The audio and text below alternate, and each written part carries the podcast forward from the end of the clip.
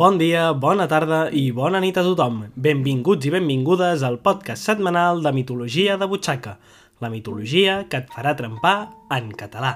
Soc el Sergi i comencem!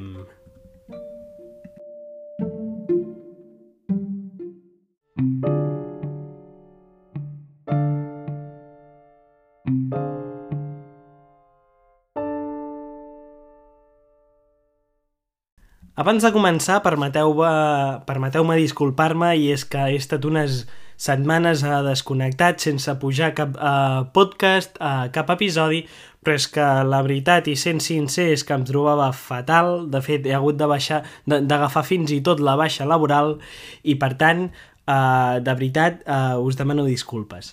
Dit això, fem una mica de memòria. Si us recordeu, al darrer podcast de mitologia de butxaca parlàvem del naixement d'aquelles divinitats que esdevindran, i ja en parlarem d'això com sempre, deus i deeses de l'Olimp. Parlem de la descendència de Cronos i Rea, així com el patriarcat que generació en generació es va anar transformant. Avui fa exactament, crec recordar que dues o tres setmanes, parlàvem de com Cronos, que va castrar i matar el seu pare, Urà, va devorar els seus fills per evitar que els substitueixin com a rei dels titans. Però de cop i volta ens trobem amb Rea, que casada amb el patriarca aconsegueix salvar Zeus, un dels seus fills, qui regressarà per matar el seu pare. Dit això, ara sí, comencem!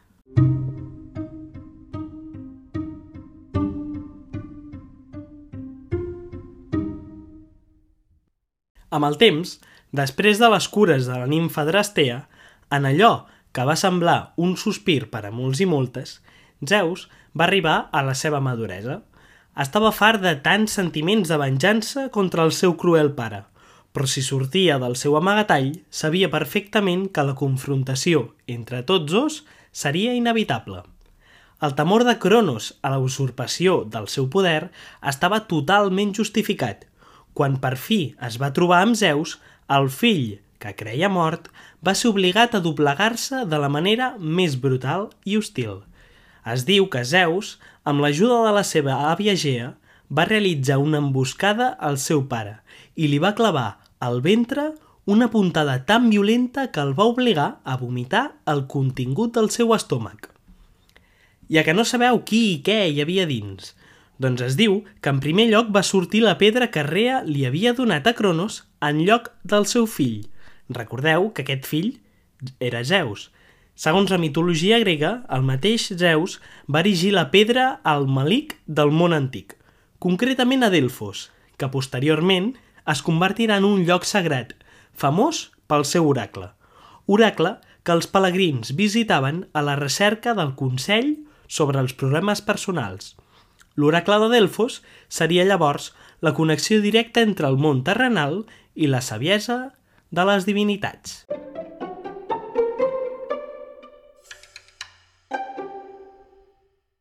Després de vomitar la pedra, Cronos va començar a expulsar la seva descendència. Un a un, els germans i germanes grans de Zeus van sortir de la boca del seu pare, i no precisament com a, com a nadons, sinó com a adults. És llavors quan un cop renascuts es van convertint en els déus de l'Olimp i van ser adorats pels seus poders. Poc després del renaixement, els fills de Cronos van entrar en guerra amb els poderosos titans, guerra pel control del cosmos, és a dir, pel control de l'existència, de tot allò que l'ésser humà coneix. Després de la seva victòria contra els titans, els, les divinitats gregues van establir la seva seu a la muntanya Olimp, la, el famós Olimp. I es diu que, que van jugar sorts al paper de cadascun en el govern de l'univers. Però una vegada més, la foscor del patriarcat s'expandeix generació en generació, i és que aquesta no seria una excepció per la seva propagació.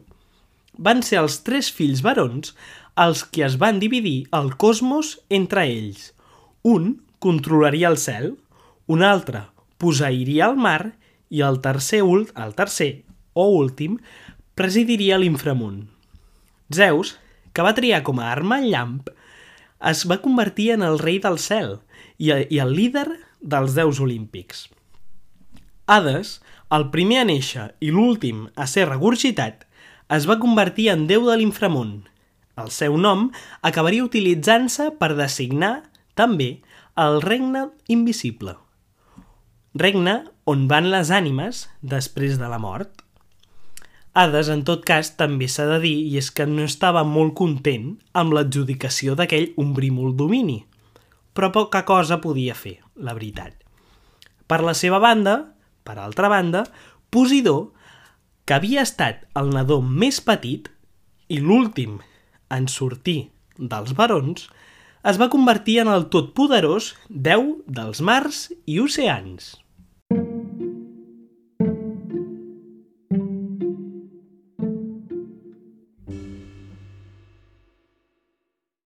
Dit això, parlem del paper del que ningú parla, el paper de les diferents deeses gregues. Les tres filles de Cronos també van rebre papers importants, però no tant com els seus germans barons. Èstia, deessa de la llar, governaria la vida domèstica de la gent. Us sona alguna cosa, no? Vull dir, crec que no cal dir res, però relacioneu vosaltres mateixos i mateixes entre casa, llar, feines de la llar, bueno, en tot cas, no entrarem en cap debat, però no serà l'únic, simplement dir que no serà l'únic cas eh, masclista en aquesta nova generació de déus i, i deeses, de divinitats en general. En tot cas, continuem. Demeter, germana d'Èstia, com a deessa de les collites, era donadora de vida per als fidels, fidels que depenien de la seva generositat anual.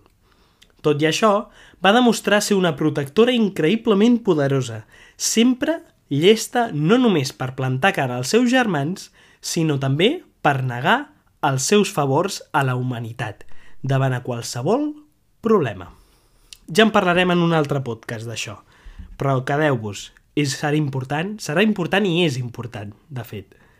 Finalment, però no menys important, ens trobem a Mera, el paper de la qual seria el més destacat entre les seves germanes, i que després, del matrimoni amb el seu germà Zeus, es va convertir en la principal divinitat grega femenina.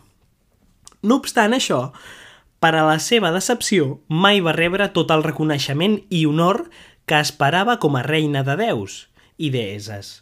Un fet també tacat per la fosca ombra del masclisme – que avui dia continua a les nostres societats. Com a deessa de les dones i el matrimoni, se suposava que Hera representava l'arquetip d'aquesta unió, però la luxúria de Zeus manifestava problemes conjugals, i serà molt important per a ell això. Trobarem llavors dues deïtats diferents per això. A l'antiguitat es, es considerava dues esferes diferents la paraula i el concepte afecte. Per una banda, trobem a Hera, que representava l'amor conjugal, malgrat el que passava amb Zeus. I finalment, per altra, Afrodita, que va néixer de l'esperma d'Urà, ja vam parlar d'això en un altre podcast, de fet crec recordar que era dels primers, pare de Cronos, parlem d'Urà, és a dir, Afrodita, filla d'Urà, pare de Cronos, representava l'amor romàntic i eròtic. Per tant, Tenim per una banda Hera, que representa l'amor conjugal, i per altra Afrodita, que representa l'erotisme de la mitologia grega. Quedeu-vos amb aquesta separació de pols oposats, i és que encara que actualment aquesta distinció pot resultar una miqueta estranya per a moltes persones, en la majoria de les cultures i, molt, i fins i tot moltes èpoques històriques, gairebé tots els matrimonis eren acordats, com a transmissió de la propietat i la terra entre llinatges, és a dir, entre famílies.